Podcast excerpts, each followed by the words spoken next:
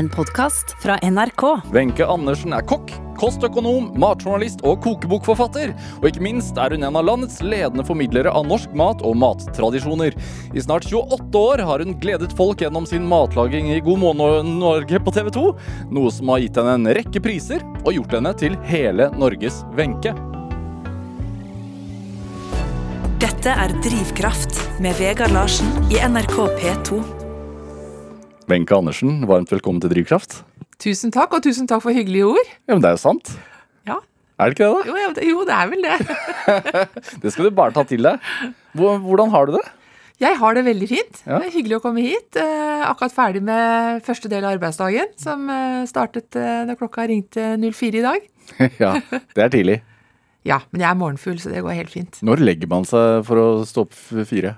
Alt fra klokka ni til klokka elleve-halv tolv. Ja. Eller tolv kan det bli noen ganger òg. Blir eldre, så trenger man mindre søvn. Ja. Det er en fordel. Hva, hva er det som skjer da etter at eh, klokka ringer? Eller eh, trenger du alarm lenger? Eh, våkner som regel rett før den ringer. Nei, da er det, tenker jeg, har jeg kjøpt inn de råvarene jeg skal ha til jobben? Må jeg tenke litt på det. Og har jeg, står de i bilen? Har det vært frost i natt? Er det noe som er fryst? Eller har jeg satt i kjølerommet? Eh, og jo, jeg går gjennom arbeidsdagen litt sånn før jeg eh, går i dusjen. Ja. Og da Du våkner jo ute i Bærum. Mhm. eh, går gjennom arbeidsdagen, ja, setter deg i bilen og kjører til Oslo. Ja. Og, og så er det på, på Altså, du er på lufta direkte fem minutter på på sju. Ja, Det stemmer. er tidlig. Det er da vi andre våkner. Ja, men, men sånn som i dag, da, så har jeg, da har jeg bakt, så da var det å lage litt deiger og ordne opp litt og finne fram det før jeg går i sminke. Så jeg er jo heldig, da, for hver morgen så får jeg jo så fin behandling. Så da sitter jeg i sminkestolen og skravler, og da går det fort en 30-40 minutter til det. Ja. I dag var det knekkebrød. Knekkebrød og eh, noen sånn type settekaker eller klappkaker som bestemor laget av eh, rester av brøddeigen. Så når jeg sitter og leste gjennom kommentarer fra seerne nå, og veldig mange har minner om eh, det jeg snakket om i dag, da. Ja. Så det er jo hyggelig. Er det Hvordan er det? For du får tilbakemeldinger nesten hver dag? Ja. Ja. Hva Hver er det folk spør om? De spør om oppskrifter. Eh, de spør veldig mange om kan det bakes uten mel. Ja. Kan det bakes uten egg eh, og melk? På grunn av allergier? Allergier, ja. Det er veldig mye allergier eh, ute og går. Og noen er kanskje, har man satt diagnosen selv, mens andre har en alvorlig diagnose. Men alt må jo bli tatt på alvor Ja. når det gjelder eh, type at man ikke tåler ting. Du er veldig opptatt av det, har jeg fått med meg? Ja, fordi at det er jo litt hyggelig at alle skal kunne ha matglede og ikke la en allergi begrense seg. Eh, og det fins alltid alternativer til å lage god mat. Blir det like godt? Ja, stort sett. Du kan si kanskje det med mel, fjerne mel, er vel kanskje det vanskeligste, for det har noe med konsistens, ikke sant. Vi drømmer om saftig, fin gjærbakst. Jeg elsker gjærbakst. Eh, og når du baker det glutenfritt, så blir det ikke helt det samme. Men det blir godt allikevel. Men eh, det er litt forskjell. Men hvordan finner du ut at altså Sånn som i dag, da så var det knekkebrød. Hvordan finner du ut at det skal bli det i dag? Det er sånn kanskje noen har etterspurt det, eller jeg sitter i bilen fra jobb og tenker at hun skal ut og handle, hva i all verden skal jeg lage i morgen? Ja. Det er lenge siden jeg har lagd knekkebrød. Det er litt sånn hyggelig nå på, på denne tiden av året, ikke sant, å spise litt sunt. Man er opptatt av det og har litt å knaske på, som ikke er eh, Som du kan spise litt mye av, da, uten at det legger seg rundt midjen. Ja. For er, altså, du har full frihet Ja. til å bestemme hva som skal lages? Det, det har jeg stort sett, men det kan jo være en gjest som kommer til God morgen Norge, som da har et ønske om kan Wenche lage det eller det. Så gjør jeg gjerne det. Det er kjempespennende. Er det? Hvor mye lages Altså, lager, lager du nesten alt på direkten? Ja. ja. Forhåndspreppe litt? Du jukser Eh. litt noen ganger? Ja, sånn som jeg baker brød. I dag bakte jeg litt brød også. Så Mm. da laget jeg brøddeigen første jeg gjorde når jeg kom på jobb. Når klokken var halv fem, satte jeg en brøddeig. Og da øh, er det en, en deig som jeg kan være ferdigbakt til jeg går på lufta, pluss at jeg lager en ny deig igjen når jeg går på lufta, for å vise hvordan deigen lages. Ja. Er det kjøkkenet i studio, det er liksom ditt kjøkken? Det er mitt kjøkken, og så har jeg et lite bakkjøkken eh, bak rett utenfor studio. Ja. Så det, men føler du at det er ditt kjøkken også? Ja. Eller føles det som et TV-studio? Nei, det føles som mitt kjøkken. Og jeg merker hvis noen har vært på besøk, så ser jeg at noen har rotet i skuffene mine, og nå ligger ikke ting på plass. Hvordan er det? Jo, det er jo greit, da. Men det er, altså rot tåler jeg, men hvis det ikke er vasket, eh, det er jeg ikke så veldig glad i. Hvis jeg ser at eh, skjærefjøla ikke er tørket av, at det er fett på komfyrtoppen og sånne ting. Så, så de fleste kokkene som kommer på besøk når jeg ikke er der, de er flinke til å rydde opp etter seg. De vet hvilket, hvem som eier kjøkkenet. Ja, jeg tror det. Men er du Altså, Og så må du rydde opp selv etter det? Ja, jeg har ingen assistent. Nei. Jeg gjør alt selv. Vi har en vertinne da, som eh, når eh, Crewet spiser jo etter at vi er ferdig på, på sending, så lager jeg alltid såpass mye at alle kan spise. Så i dag så spiste resten av gjengen knekkebrød og settekaker eller klappkaker med brunost og smør. Uh, og, mens de sitter og prater litt gjennom sendingen, det som har vært og sånne ting. Så det er veldig en fin måte å avslutte dagen på, for alle mann. Ja, Hyggelig. Ja. Er det sånn Dere er jo på hver morgen. eh, og du har vært med siden starten. Mm. Åt, snart 28 år. ja. Men da gikk vi ikke direkte. Nei, de første Da var det opptak. ja, de da lagde vi fem-seks program per dag. Oi. Så, så da var det ganske intenst. Men så hadde jeg fri noen dager, da. Ja. Men, men poenget mitt er jo da at dere kommer jo gjennom ruta og blir jo som en slags sånn forlengelse av familien til mange. Mm. Føler du det selv? Ja. I hvert fall du. Du blir jo også matmoren til veldig mange. Ja, og det er jo veldig hyggelig, men jeg føler at det er veldig mange som våkner opp med oss, øh, og de får en start på dagen fordi de får Det er så mange temaer i God morgen Norge, så det er noe alt fra bake knekkebrød til åreknuter til krigssituasjoner. Altså mye mm. stoff som mange kan ta med seg ut i dagen. Hva er det du tenker at er, er din hovedoppgave? Bortsett fra retten, da, selvfølgelig. Ja, vekke matgleden eh, og senke garden til å lage mat selv. Altså Folk skal ikke tro at det er vanskelig. Jeg må prøve å legge det på et nivå sånn alle kan klare det. Det er det jeg ønsker. Hvorfor tror folk at det er vanskelig?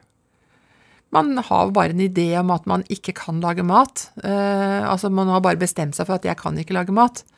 Og det er klart at hvis du ser på eh, kokebøker som kommer fra de største kokkene rundt omkring i landet, så er det vanskelig hvis du ikke har noe bakgrunn i det hele tatt. Så jeg prøver å legge garden helt, altså kunnskapen helt ned på det enkle. Men så prøver jeg å strekke det litt innimellom. Så, sånn at alle skal forstå at dette her får jeg til. Så også sånn, Du er utdannet kokk. Er, det en, er det en vanskelig øvelse, egentlig, å ta, ta maten ned? Eh, ikke nå lenger, men til å begynne med så var det det.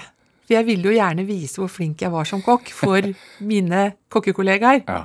Og jeg følte, tenkte veldig på hva tror de om meg nå? Nå begynner hun å bake brød og lage kjøttkaker i brun saus og fiskegrateng. Eh, Så, så jeg var litt opptatt av det til å begynne med. Det var jeg. Men jeg tror jeg eh, har fått respekt for det nå, at vi lager mat på en litt annen måte. Og det ser jeg når kokkene kommer og, til God morgen Norge, så er de flinke til å legge ned lista og lage mat som alle kan lage. Ja, det er viktig. Og du, du er også veldig sånn flink til å inkludere, føler jeg. Fordi ofte så bytter du ut eh, Eller du sier at hvis du ikke har det, så kan du like gjerne ta det som du har i skapet. Ja. Og det er jo nettopp det å tørre å løsrive seg fra oppskriften. eh, Og bruke fantasien som en oppskrift. Mm. Det, det er viktig. Men der har du ikke timian, så kan du, kan du bruke basilikum eller oregano eller persille for den saks skyld, eller bare kutte det ut. Mm. Men eh, klart, når du ikke kan noen ting, så ser man at 'å, jeg har ikke det', da kan jeg ikke lage det. Har du ikke epleeddik, så kan du bruke eplejus, liksom. ja, ikke sant? Ja. Så, og, og det er ikke verre enn det. Og, men har du ikke, skal du lage stuakål og ikke har revet muskatnøtt, så tilsett persille og salt og pepper, så er det greit. Ja. Ta, hvor tar du oppskriftene fra? Eh, litt fra hodet. Jeg sitter jo, ikke sant, Når du har jobbet med mat så lenge, så mesteparten sitter jo i hodet. Men jeg leser og blar litt og ser hva som er inn, ser på andre sider, hva er det folk spør etter, hva som er inn i tiden nå. Men veldig opptatt av at vi i Norge har sesonger, Mm. og at vi skal følge sesongene. Hvorfor er det viktig? Eh, Både sånn kostnadsmessig sett, altså vi bør ikke servere jordbær i, på vinteren. Vi kan vente til de norske kommer. Eh, Du er ikke noen fan av sånn eh, hva som er, nederlandske jordbær som man får i butikkene? altså, norske jordbær smaker jo godt. Eh, de andre de smaker, de smaker bare surt og litt sånn grass nesten. Så, så jeg syns vi skal spise sesongene og følge sesongene. Og i Norge er vi så heldige fordi eh, menyen vår forandrer seg jo gjennom året. Mm. Vi spiser ut fra sesonger, og vi har forventninger til de forskjellige sesongene. Men høstens lam, når makrellen kommer ikke sant? Dette her med, med jakt og vilt, eh, grønnsakene som er modne til forskjellig tid. Mhm. Eh, og bruke det, og se etter jeg prøver å si, se etter det norske flagget når dere kjøper eh, råvarer, og, og bruk de. Den kortreiste maten er jo den beste. Har du en favorittsesong? Nei, alle sesonger er favoritt. Og det er det som er så spennende med Norge, fordi hadde det vært sommer hele tiden, så hadde det vært kjedelig. Så, så det at vi, vi skifter og har forventninger gjennom sesongene, det syns jeg er veldig fint. Men januar, er ikke det egentlig sånn slankesesong? Jo. Er det derfor det er knekkebrød i dag? Eh, ja, det kunne det vært, men Ja. samtidig så er det, det er slankesesong, men kanskje også man legger kostnaden litt ned. Ja. Eh, at man ikke har brukt litt mye penger mot jul, at man må finne litt billigere råvarer, eh, og at man skal bruke opp det man har kjøpt inn til jul også. Hvis du tenker januar, så ligger det masse rotgrønnsaker i kjøleskapet, og da er det viktig å få brukt de tingene, for mat skal ikke kastes, det skal spises. Nå snakker mor. Ja, du mener det kastes for mye? Ja, altfor mye mat. Og folk er livredde, de glemmer å lukte og kjenne. Altså, man kaster bare for å være på den sikre siden. Ja, Fordi det står en dato på? Ja. Eh, og det er sånn med melk, om den har gått ut. Åpne kartongen og lukt. Ja. Så kjenner du fort om den er sur. Egg? Ja, det er akkurat det samme. Altså et råttent egg. Du er ikke i tvil om at det er råttent. Men altså, for de fleste så er det jo en utfordring å bare finne ut hva man skal ha til middag hjemme. Mm. Du skal finne på en ny rett som du skal lansere og vise på TV hver dag. Mm. Det høres ut som en ekstremt stor utfordring. Stort sett så går det greit, eh, men innimellom så sitter jeg og lurer lenge. Men så har jeg crewet, eh, som jeg sier, hva har du lyst på i morgen? Der er det jo en gjeng som har eh, ønsker om mat, og veldig mange av de forholdsvis unge folk, de er opptatt av tradisjonsmat. Ja. Mat de ikke kan kjøpe på restaurant. Er det nytt? Ja, den, jeg føler liksom at den, flere nå søker litt tilbake på røtter og til røttene sine igjen. Og du ser mange restauranter nå som har dagens husmann rundt omkring i landet. Da er det jo fullt på spisestedene. Så folk søker jo den. Ja. Hvorfor er det blitt sånn, tror du? Jeg tror det er noe med tiden vi lever i. At det er noe med Kjenne litt på hvor hører jeg hjemme igjen. Eh, hvor jeg hører hjemme. Og eh, mat kanskje fra bestemor eller mor. Eh, vi, vi trenger den tryggheten i det. Ja. Hm. Føler du det? Også på de tilbake... Nå har du jo sittet utenfor studioet her før vi gikk på lufta og, og svart på meldinger. Mm. Føler du at du også representerer en slags trygghet? Ja, jo, jeg, jeg tror nok det. Det er litt skremmende uh, å tenke på det, men ja, jeg tror det. At det er noe Det er enkelt, det er stabilt, eh, det er ikke veldig vanskelig, det er ikke veldig kostbart, eh, og at folk stoler på det jeg sier og gjør. Så det krever jo av meg at oppskriftene mine må jo være korrekte, da. Men er det også en slags sånn drivkraft, siden vi heter det, Ja, til å faktisk gjøre det hver dag? ja faktisk. Det er det. Ja. Jeg vil si at uh, seerne er veldig Det er en drivkraft. Jeg føler at jeg betyr noe. Alle ønsker jo det en jobb de gjør, så ønsker de at de skal formidle noe og bety noe. Akkurat som lytterne her, ikke sant. At du ønsker også å levere noe til de som de kan hygge seg med å høre på. Og sånn blir det med meg også, at eh, seerne er fornøyd og får det de vil, og at jeg klarer å treffe de som vil ha gourmetmat og de som vil ha hverdagsmat. Så gjennom uka så prøver jeg å få til alt. Dette er Drivkraft med Vegard Larsen i NRK P2. Og i dag er eh, kokk, eh, kokebokforfatter eh, og TV-kokk Wenche Andersen her hos meg i Drivkraft på NRK P2. Hva lager du til mat til deg selv? Eh, Det er, blir veldig mye fisk. Ja. Eh, Jeg er alene, og fisk er jo noe Det bør ikke koke så veldig lenge, så trekker trekke det. Og jeg er veldig glad i fisk. Eh, Mye grønnsaksretter. Jeg lager meg middag hver dag. Ja, du gjør det? Ja. Men det kan også, altså middag, det kan være en salat med rester fra gårsdagen, eller en god suppe. Men jeg setter meg ned og har et varmt måltid hver dag. Så du lager ferdig maten på, på God morgen Norge, og så eh, handler du inn råvarer til dagen etterpå? Med en gang, eller? Ja, dette Ja. er på veien hjem. Da har jeg som regel bestemt meg hva jeg skal uh, lage. Hva får de i morgen, da? Det har jeg ikke bestemt meg ennå, for nå skulle jeg hit, så nå tenkte jeg litt på det. Så jeg må ta en tur på butikken og se. Hvis ikke du har et ønske, da. Ja. Men hvordan er, altså, kan du bare gå rundt i butikkhyllene og la deg inspirere? Hvordan gjør man det? Jeg ser på råvarene, og så begynner jeg å tenke hva kan jeg lage ut av det. Så ser jeg kanskje på hvis det er noe det er tilbud på som er i sesong. Så ok, da er det kanskje flere butikker som har tilbud på det. Eh, og så prøver jeg å bygge opp gjennom uka så at eh, mandager litt rester, litt enklere mat. Og så når du kommer til torsdag og fredag, så er det litt eh, mer sånn helgemat eller bakst. Ja. Hva er vi i sesong nå, da? Eh, nå er det jo på en måte Rotgrønnsakene er jo fremdeles veldig gode. Norske rotgrønnsaker de har vi hele året, så gode supper. Eh, fisken er jo hele tiden i sesong i Norge. Eh, kjøttet Og nå kommer jo på en måte skreien etter hvert, og det er en forventning til det. Litt tidlig ennå, men den kommer jo. Så, mm, så vi har masse ferske råvarer som er, er norske nå også. Men da er det ikke liksom Tomatene er ikke så blitt så Dessverre, så pga. strømprisene så Vi har jo dyrka tomater i Norge hele året, men pga. høye strømpriser så har de ikke råd lenger til å dyrke det, og det syns jeg er veldig trist. At man må da hente tomatene fra Italia. Så da prøver jeg jo heller å tenke andre norske ting jeg kan bruke. Er det Det er nesten en sånn kampsak for deg? Ja, og prøver å, å lære opp de unge, nye forbrukerne. Som jeg pleier å si, se etter det norske flagget. Hvorfor skal du gå og kjøpe franske eller italienske oster? Når norske oster de vinner, altså når det er VM i ost, så vinner de norske ostene. Og så går vi og kjøper ost fra Italia og, og Frankrike. Det er jo litt tullete. Ja.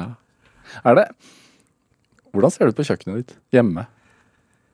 Eh, tidvis litt rotete, men Nei, er det sant? eh, Ja, ja, jeg holder på med mange ting på en gang, så er det ikke så veldig stort. Eh, men jeg er veldig flink til å rydde opp etter meg, da. Ja. Det har jeg lært. Og det er viktig. Men jeg har, det er ikke veldig stort kjøkken, men det er veldig praktisk og effektivt kjøkken å jobbe ved. Hva vil det si? Eh, korte avstander til kjøl og Eller kjøl, kjølerom er i nede, men kjøleskap i hvert fall oppe. Og komfyr og godt med benker. Gode kniver som henger i rekke og rad på veggen. Når du ser inn av kjøkkenvinduet mitt, så det, ser du 12-13 kniver som henger pent på rad. så det er ingen grunn til å bryte seg inn der. Kjører du det i oppvaskmaskin? Nei! det må du ikke gjøre. Da ødelegger du både det treskaftet, pluss at knivene står og slår kanskje mot hverandre, så får du hakk i, i eggen. Så kniver skal ikke i oppvaskmaskin. Der er jeg streng. Men det altså Du sier at du lager middag til deg selv hver dag, og at du gjør det aleine. Det er jo en øh, Noe du deler med mange. At man må lage mat Ja. bare til seg selv. Det er ikke så lett. Nei, men nå sier du skal lage mat bare til seg selv. Da er du i utgangspunktet negativ, ikke sant? For Ja. det er jo trist, stakkars meg, jeg er alene. Det Ja. er bare meg her. Du må tenke at jeg fortjener noe godt å spise. Og det kan jo være noen ganger om du bare lager en grønn salat og tar opp en boks med tunfisk for den saks skyld, altså og lager en god dressing på den, så har du Det er også middag, om du ikke koker poteter. Eller åpne kjøleskapet og hva har jeg her? Kanskje du kan ta alt du har i grønnsaksskuffen, skrelle og kutte i biter, koke litt kraft eller vann og buljong, bruke stavmikseren og kjør det sammen, og så smaker du til med litt urter og litt frisk ingefær, så har du en kjempegod suppe. Ja. Hvorfor er det viktig å, å unne seg selv? En skal stelle pent med seg selv, eh, og fordi at da får du det også bedre. Sett deg ned og ikke stå ved benken og stappe i deg mat, men sett deg ned og spis, og tenn gjerne et lys. Ja. Fordi du fjer, ikke sant? Vi fortjener det selv om vi er alene. Men gjør du det? Ja. Tenner lys? Ja, ja. Det syns jeg er hyggelig. Ja. Hva tenker du på da? Jeg tenker litt gjennom dagen, hvordan den har vært. Eh, Og så vurderer jeg skal jeg ut og gå en tur i dag. Dørstokkmila er litt lang noen ganger. Tenkte jeg ok, jeg har spist. Nei, jeg må ut. Så blir det en kveldstur, og så litt jobb etter det.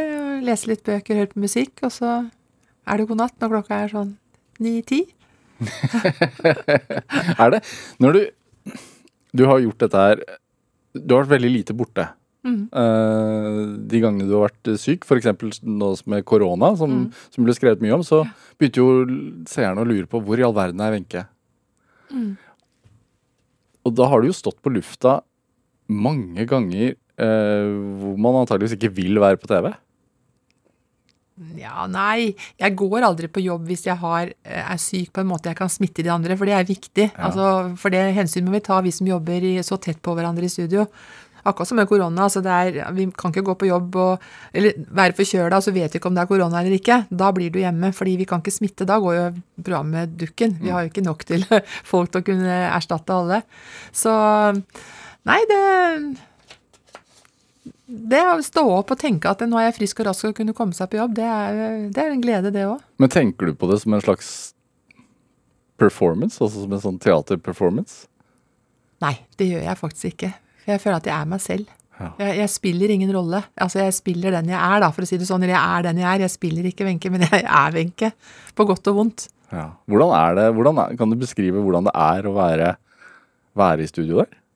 Det er veldig fin stemning. Ja. Fantastiske kollegaer, og vi er ikke veldig mange. Det er mange som tror at det er et veldig stort studio, det er det ikke. Det er kjøkkenkroken som alle kjenner, pluss sofa og det langbordet.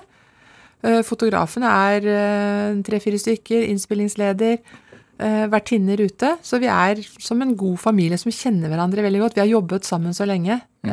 og Så vi spøker og ler og har det kjempefint i pausene. Og hjelper hverandre.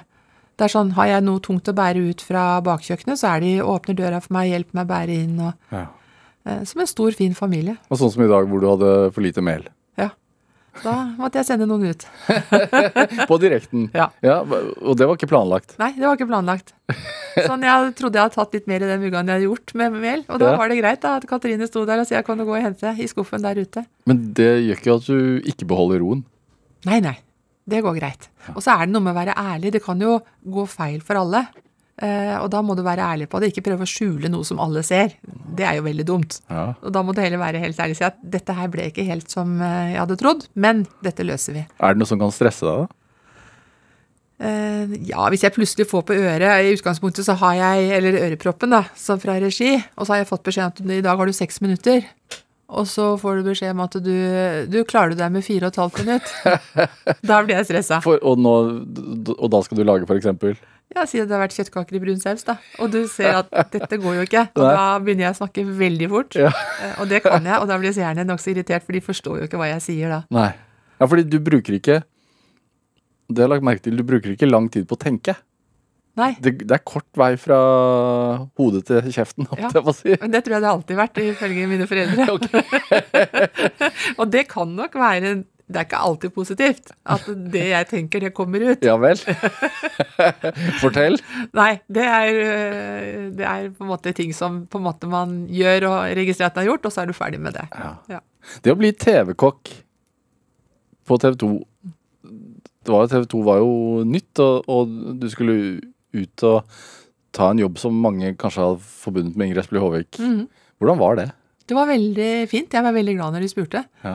Fikk du Eh, en telefon, eller hva var det? Ja, jeg fikk en telefon. Jeg har akkurat takket nei til et um, reklame på, på TV3, en sånn reklamesnutt med kasseroller. Skal ikke si en kjent mann som skulle drive det.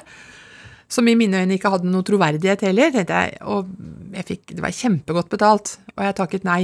Eh, For jeg tenkte nei, det, jeg ville ikke bli husket for det. Og så hadde jeg nesten ikke vel lagt på. Så ringer Ivar Sten Johnsen fra TV 2, så sier han hei, du, vi skal starte et nytt program som heter God morgen Norge, har lyst til å bli kokk? Ja. Jeg spurte ikke om lønn, jeg spurte ikke om noen ting. Jeg bare svarte ja, det vil jeg. Ja. Hvorfor det? Jeg hadde jobbet veldig mye sammen med Ingrid, Ja. eh, og vært med Ingrid på fjernsynskjøkkenet flere ganger. eh, Og syns det er veldig gøy å jobbe med mat i media og, og på en måte inspirere forbrukere til å lage mat og spise godt. Eh, hatt mye undervisning underveis, og altså drevet undervisning for andre, kjørt matkurs og sånne ting. Så det var veldig lett, og jeg var kjempeglad for å bli spurt. Ja, så, så du så på det som en sånn utvidelse av, av det å drive opplæring, rett og slett? Ja. Å få den muligheten, og jeg følte også stor ærefrykt, for det er jo så mange flinke kokker i Norge, så hvorfor meg? Ja. Uh, så, så det var uh, Det var veldig stort. Jeg, det er kanskje en sånn, den ting jeg husker best fra min sånn yrkeskarriere, er akkurat den telefonen. Hva var det første du lagde, da? Nei, det husker jeg ikke. Jeg, jeg har alle oppskriftene, faktisk. De er lagret på år. Men eh, jeg kan ikke huske det første jeg laget. Oh, ja, som, du, noe, som du har laget selv? Ja, Ja. men uh, sikkert noe norskinspirert. Mulig kjøttkaker eller fiskeboller i hvit saus. Jeg vet ikke. Hvor er det, og så skriver du ned alle oppskriftene hver dag? Ja. Ja. Jeg, sitter, jeg har hjemmekontor, så jeg skriver, og så lagrer jeg det da sånn eh, Så nå er jeg inn på, på våren 2022. Ja. Så den, den ligger da på vår og høst gjennom alle de år. Er det for å Altså, hvorfor gjør du det? Jeg tenker kanskje noen en gang kan ha glede av det. Eller at TV 2 tror jeg kanskje kan være interessert i å ha den oppskriftsbasen. Um, den er jo Man kan jo bruke den til noe ut i en bok, eller hva man måtte ønske. Ja. Og så gjør det jo at du ikke repeterer det, da. Ja. Det, men altså, du lager jo mat Det er mange ting jeg har laget mange ganger. Ribbe. Ja. Pinnekjøtt. Ja. Noe så enkelt som fiskeboller i hvit saus også. Så Ja. gjør du det med forskjellige varianter og smakstilsetninger, eller skreien når den kommer. Ja. Eh, Så, så det er mange retter som gjøres eh, de samme år etter år. Men så prøver man å finne på litt nye vrier på det. Ja. Hva, hva er tipset ditt for å komme ut av den der komfortsonen og lage det samme, de fem samme måltidene hver uke inn og ut? Tør å, når du går på butikken, tør også se litt på hva som finnes. Og så se etter kanskje det som er på tilbud i fiskedisken. Vi burde spise mer eh, fisk, og der er det jo flinke folk som jobber. Ja. Eh, Og se litt på, på hva du kan finne på der. Fisk er jo lett å lage også. Det er mange som er så redd for det, men det er jo så kort tilberedningstid. Jeg lagde torsk i går. Tok tolv minutter i ovnen. Ikke sant? Ja. Og det er godt. Ja, kjempegodt. Det er bra. Da smiler hjertet mitt. Men det, det å altså, du havner på TV plutselig Mm. hver dag. Hvordan opplevdes det? Ganske naturlig, egentlig. Er, ja, ja, jeg eh, jobbet med så fine folk. Ja. Eh, fotografer og regi som var så Det var de samme da som laget Gutta på tur. Utrolig fine fotografer og, og regi der. Eh, og jeg hadde fulgt litt med de og kjente jo hvilke kokkene de hadde vært på tur med. Eh, og det er ikke mange. Vi er, da var det to fotografer og en lydmann. Ja. Og meg. Så det, det, det funka veldig fint. Så teamarbeidet er vesentlig. Ja. Ja. Og dermed så når du kjenner den personen som står bak kamera, så blir ikke det kameraet farlig. Nei. Pluss at jeg er jo overmåte glad i å prate. Så Mor sa at jeg pratet jo med alle når jeg var liten på butikken. Skravla i vei. Oh, ja. Ja. Altså, du trenger ikke noe manus på TV. Nei. Men det å bli gjenkjent, da? Ja, det er vel kanskje litt sånn medaljens bakside. Det er veldig hyggelig, men noen ganger så ønsker jeg jo, når jeg går i fjellet f.eks., så har jeg bare lyst til å være en dame som går på tur i fjellet. Ja. Men de fleste sier ofte at 'Å ja, det er deg, ja, jeg syns det var deg', og så 'Ja, det er meg', så jeg fortsatt går tur, og så går jeg videre. Så jeg er blitt flinkere til å på en måte ta det positivt, og så bare smile og, og gå videre. Men er det sånn at hvis du står i kassakøen, så kan noen spørre deg om hvordan man lager en saus, f.eks.? Ja. Og titter opp på hva skal du lage i morgen, og ser oppe hva jeg har i kurven, om det er til meg selv eller til jobben. Oh, ja. Eh, og så kan de spørre ja, men tilbehøret til den, da. Ja. Så eh, det var en, en student som sto med en, en boks med Vesterålens fiskeboller. Så hadde han kjøpt en sånn hel boks, og så var han alene. Og så sånn Å ja, nå, kan jeg spørre deg om noe? Ja, jeg sier men jeg kan jo ikke spise alle fiskebollene på en gang. Men må jeg kaste de jeg ikke spiser? For denne boksen var mye billigere. Den store var billigere enn en halv en. ja. Nei, nei, sier jeg. Den kan du steke dagen etterpå, servere med råkost, eller ha på brødskiva sammen med kaviar og sånn. Og så da var det spørsmål om saus, da. ja. Om man kunne bruke den kraften fra fiskebollene og lage saus. Så, så det, jeg tror han spiste alle fiskebollene. Men det syns du er hyggelig? Ja, det syns jeg er hyggelig. Fordi da, det har noe med tillit å gjøre. At de tør å, å spørre om sånn. Men hvis de begynner å snakke om liksom de andre i studio og, og sånne ting, men når de går liksom på matrelaterte ting, så syns jeg det er veldig hyggelig å svare på det. Ja. Hva hvis du Altså, må du være liksom påpasselig med hva du legger i kurven? Ja, nei, jeg er veldig glad i sjokolade, men jeg gjemmer den ikke. Eller kokosboller. Nei. Så det hender jo at folk titter ned, da. Å ja. Så, ja. Men hender det at du legger liksom en Fjordland-pakke eller en Grandiosa oppi der? Eh, Fjordland har jeg til gode, men Grandiosa kan jeg ha lagt oppi. Ja. Og da, sist gang jeg gjorde det, så var det noen som spurte hva gjør du med den, da? Fordi at du, du, du mekker sikkert den til, som han sa. Ja. Ja, det gjør jeg, sier jeg. Ok, hva Ja. gjør du da, da? Nei, da ble det litt mer eh, tomater på toppen, og litt skinke, og ekstra med revet ost og litt mozzarella. Så ble den kjempegod. Så det er din Grandiosa-hack? Ja. ja. Wenche Andersen, vi skal spille litt musikk. Um, du har med en Dar Straits-låt. Ja. Eh, hvorfor det? Jeg er veldig glad i Dire States. Det er sønnen min òg, så vi har en sånn felles musikksmak der. Og akkurat den låta der, den eh, Jeg blir alltid glad når jeg hører den. Og jeg ser meg selv sånn enten Altså som når jeg var 40 år, dansende over en strand, eller nå som Hvilken går. strand? Eh, Ja, det er et strand, et varmt sted. Med hvit sand og bølger som skvulper. Og Ja. danser over der og er bare lykkelig og har det godt. Ja, hva drømte du om da? Nei, det Livet generelt, tenker jeg. Det, livet er bra. Ja, Skal vi høre Walk of Life? Ja.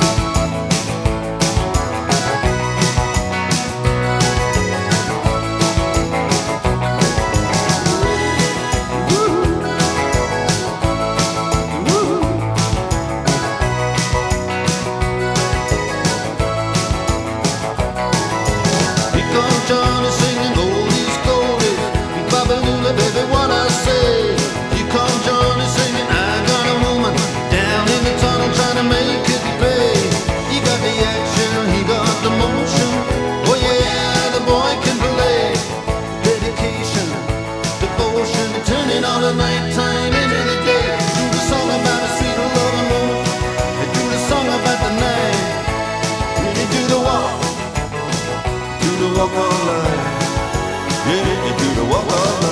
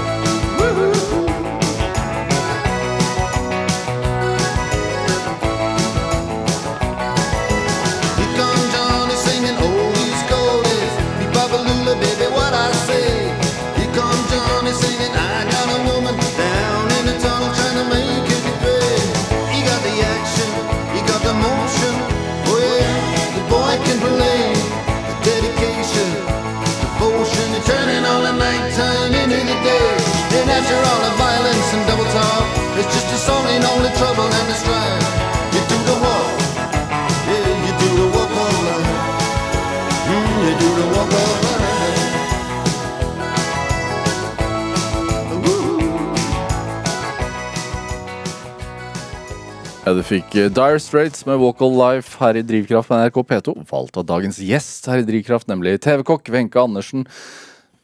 Hvor er du fra? Jeg er fra Lommedalen. Ja, Født og oppvokst i Lommedalen. Og bor der fremdeles. Og bor der fremdeles. Jeg har flytta litt på meg opp gjennom årene, men eh, tilbake i Lommedalen nå. Hvorfor valgte å flytte tilbake igjen?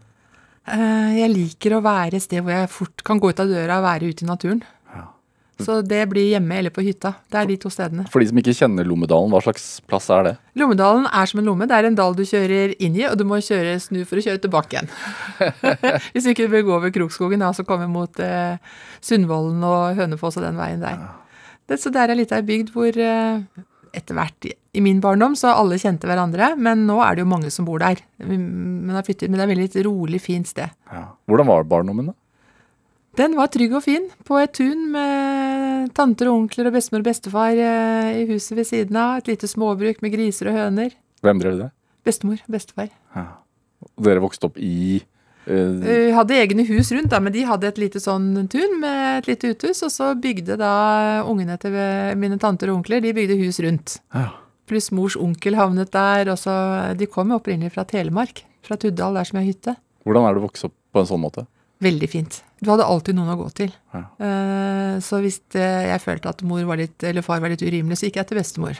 Så fikk jeg trøst der. Eller til en tante. Ja. Hva drev moren og faren din med da? da du kom til? Mor var hjemmeværende, eh, så det var kjempefint. Faren min jobbet med, innen medisin, medisinsk sykehusutstyr. Ja. Så han reiste land og strand rundt, var mye borte. Så, og det var alltid gjevt når han kom hjem. Søsken?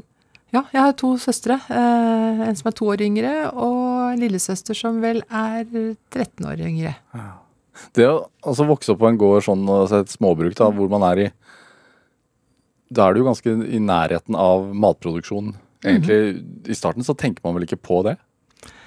Eh, vi hadde griser, eh, og hønene ble jo, altså grisene ble jo slaktet, eh, og hønene ble slaktet, men vi fikk alltid beskjed om at, fordi da var det sånn slakter som gikk fra, høres ut som jeg er 100 år, men jeg er jo ikke det, men slakteren han kom, da så gikk han fra gård til gård, så slaktet han griser, for det var hjemmeslakting. Og så fikk jeg ikke lov til å se da når grisene ble, akkurat i det du kom ut og på en måte fikk en sånn dor i hodet og døde. Du hørte det? Nei, vi var på kjøkkenet til bestemor som vendte en annen vei, for grisen skriker ganske mye når den dør. Men så var jeg sånn, jeg vet ikke hvor gammel jeg var, 12-13, og mente at nå er jeg så stor at nå skal jeg se på det. Mm. Nei, jeg var kanskje bare ti. I hvert fall så hadde jeg jo mareritt i lange tider etterpå. og da jeg fikk Ja, det, jeg sa det til deg, sier mor. Du skulle ikke sett på dette her.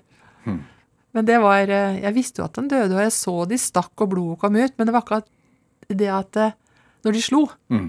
det ble litt for mye for meg.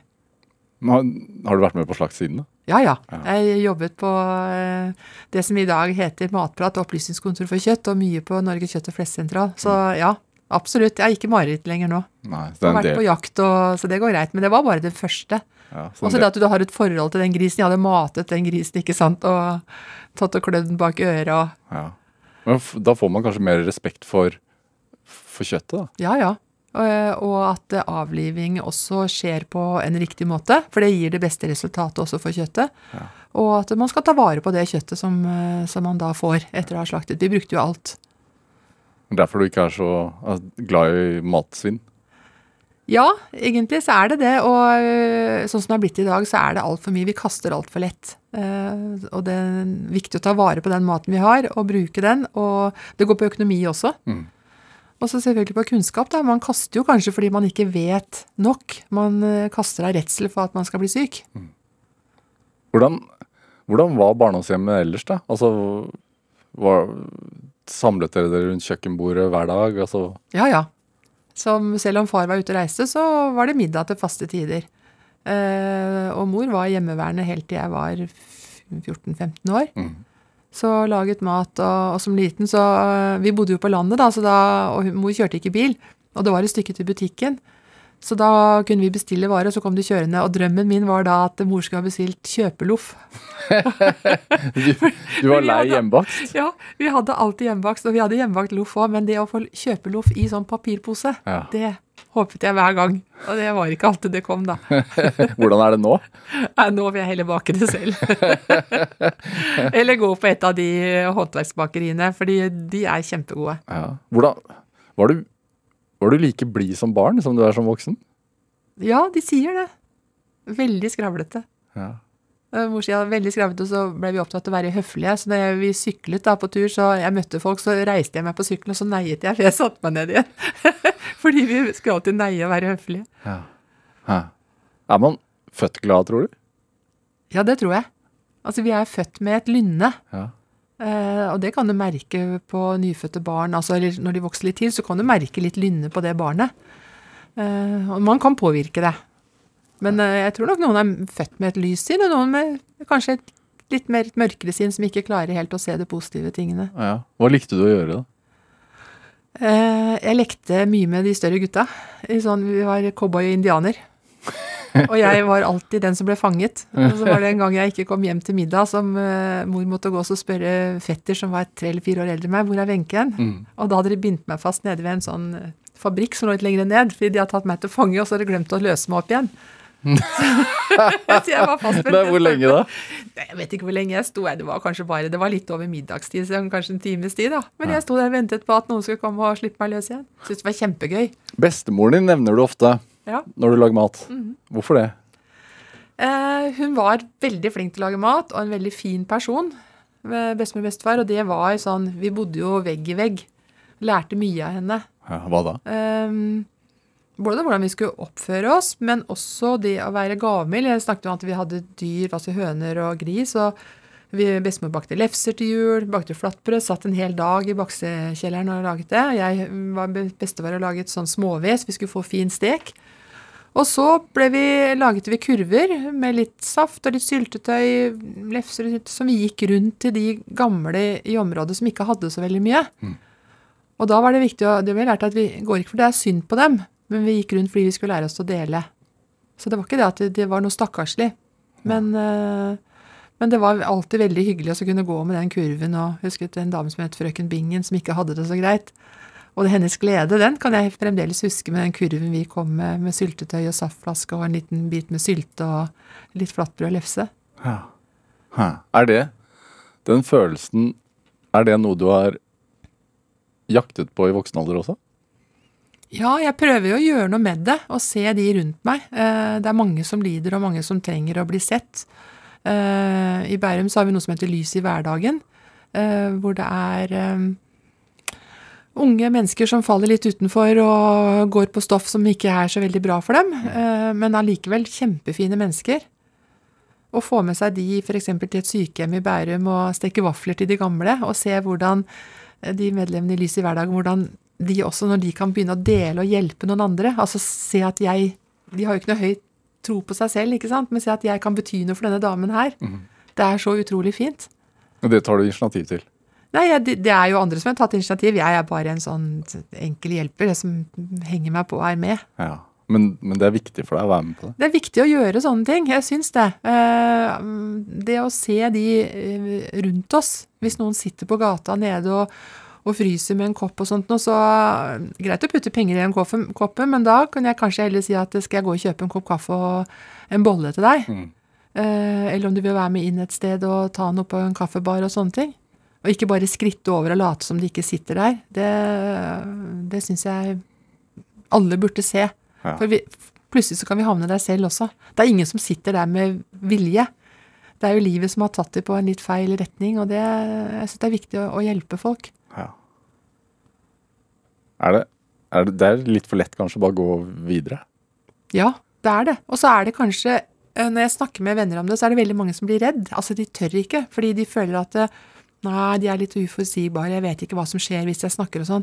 Altså, hvis du bøyer deg ned og gir et smil, Uh, og putter noe i koppen med si at kan du gå og kjøpe deg en kopp kaffe, eller gå og, og få deg noe å spise, og så tørre å se på de og snakke.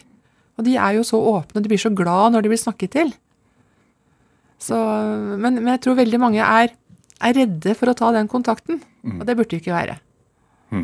Er det TV 2 lå jo på Karl Johan gate før. Mm. Eh, dere hadde jo studio der i kjelleren. Og Da passerte du vel en del tiggere og narkomane Ja. på vei til jobben? Ja. Og de hadde faste plasser, og, og de fikk penger, og de fikk litt, eh, litt kaffe eller en bolle, og mm, noen ganger så var det sånn at jeg kunne mm, til en sånn snackbær i nærheten, kunne, vil du være med inn og spise? Mm. Eh, og fikk litt grann mat.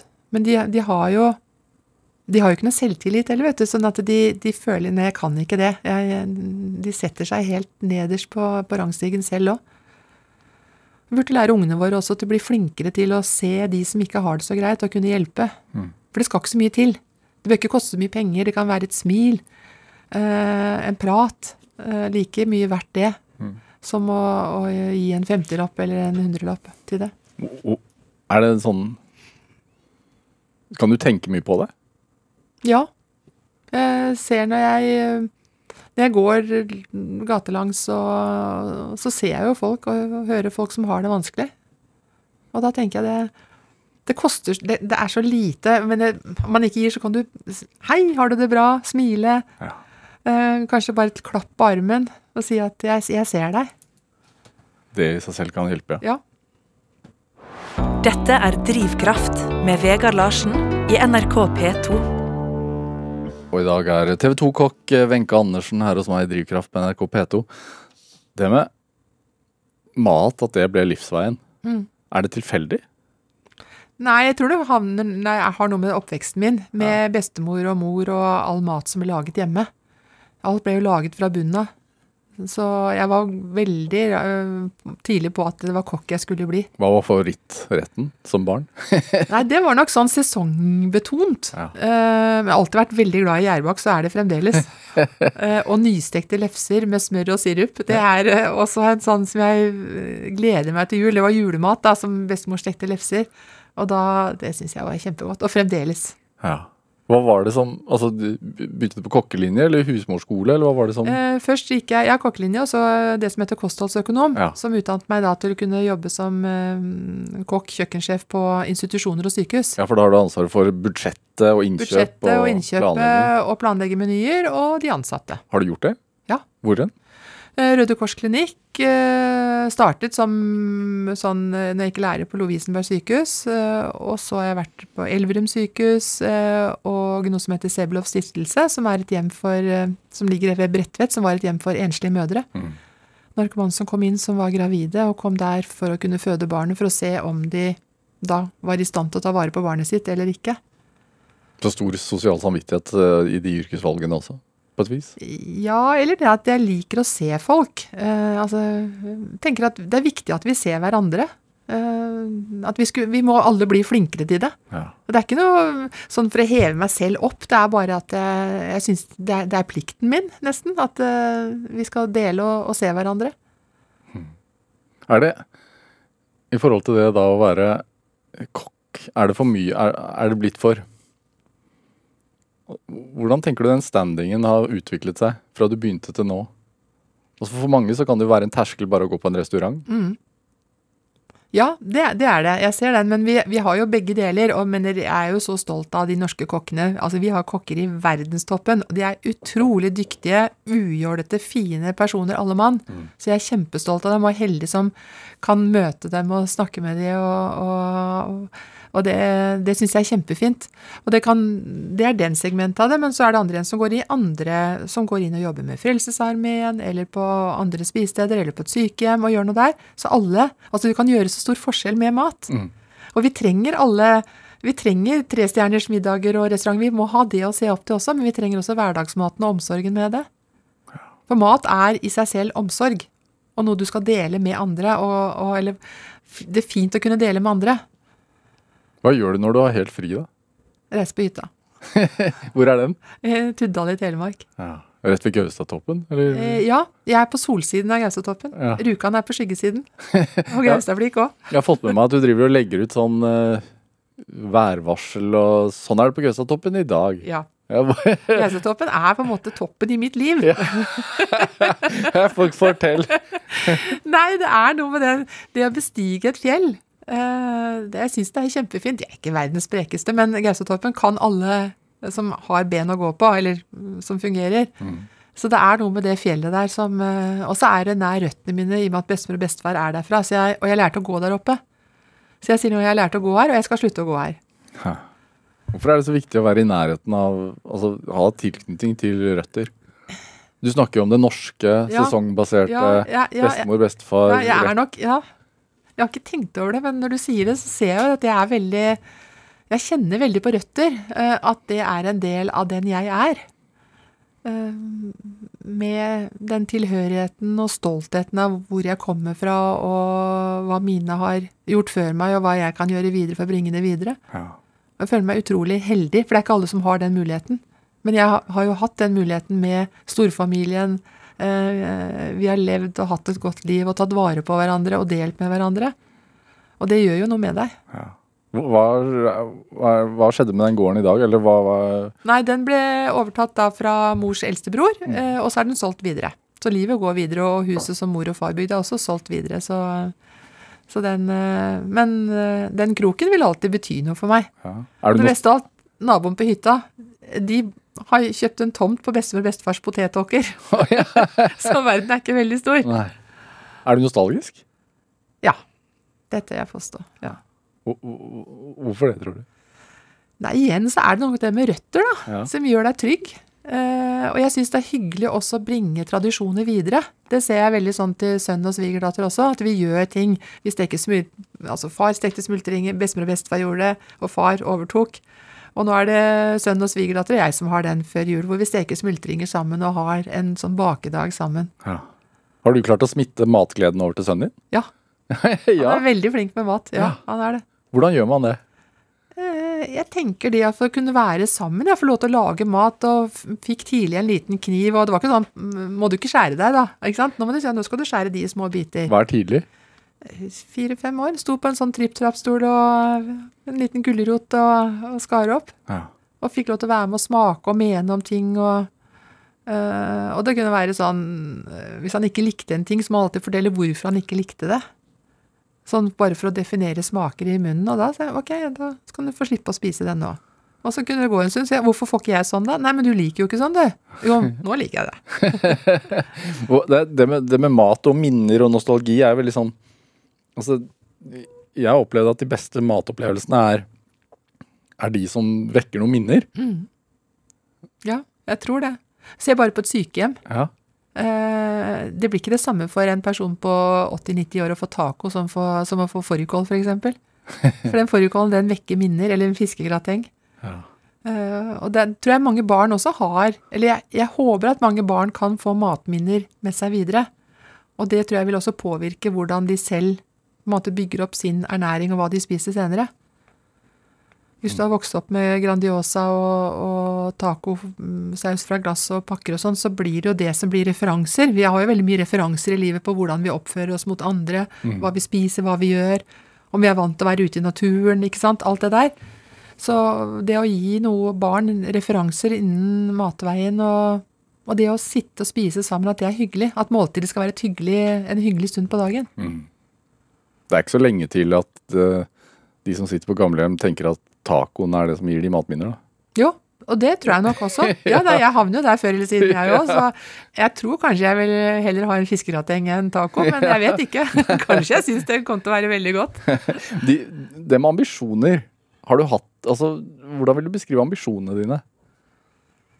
De er ikke veldig høye. Eh, ambisjonene mine er jo eh, på en måte litt sånn egoisme i det også. For at, eh, at jeg ønsker at jeg skal gjøre ting som er bra for meg, for da kan jeg være, gjøre noe godt for andre igjen.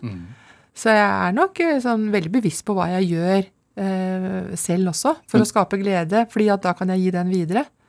Men ambisjonene er ikke veldig sånn at jeg skal bli eh, Nå er jeg jo heldig at folk kjenner meg jo igjen, så jeg har jo på en måte mer enn nok fylt opp med den. Men at noen skal huske meg som en fin person. en snill person med masse gode minner. Men det i starten på karrieren, da? Altså, du har jo slått deg opp som en av landets aller uh, mest kjente kokker.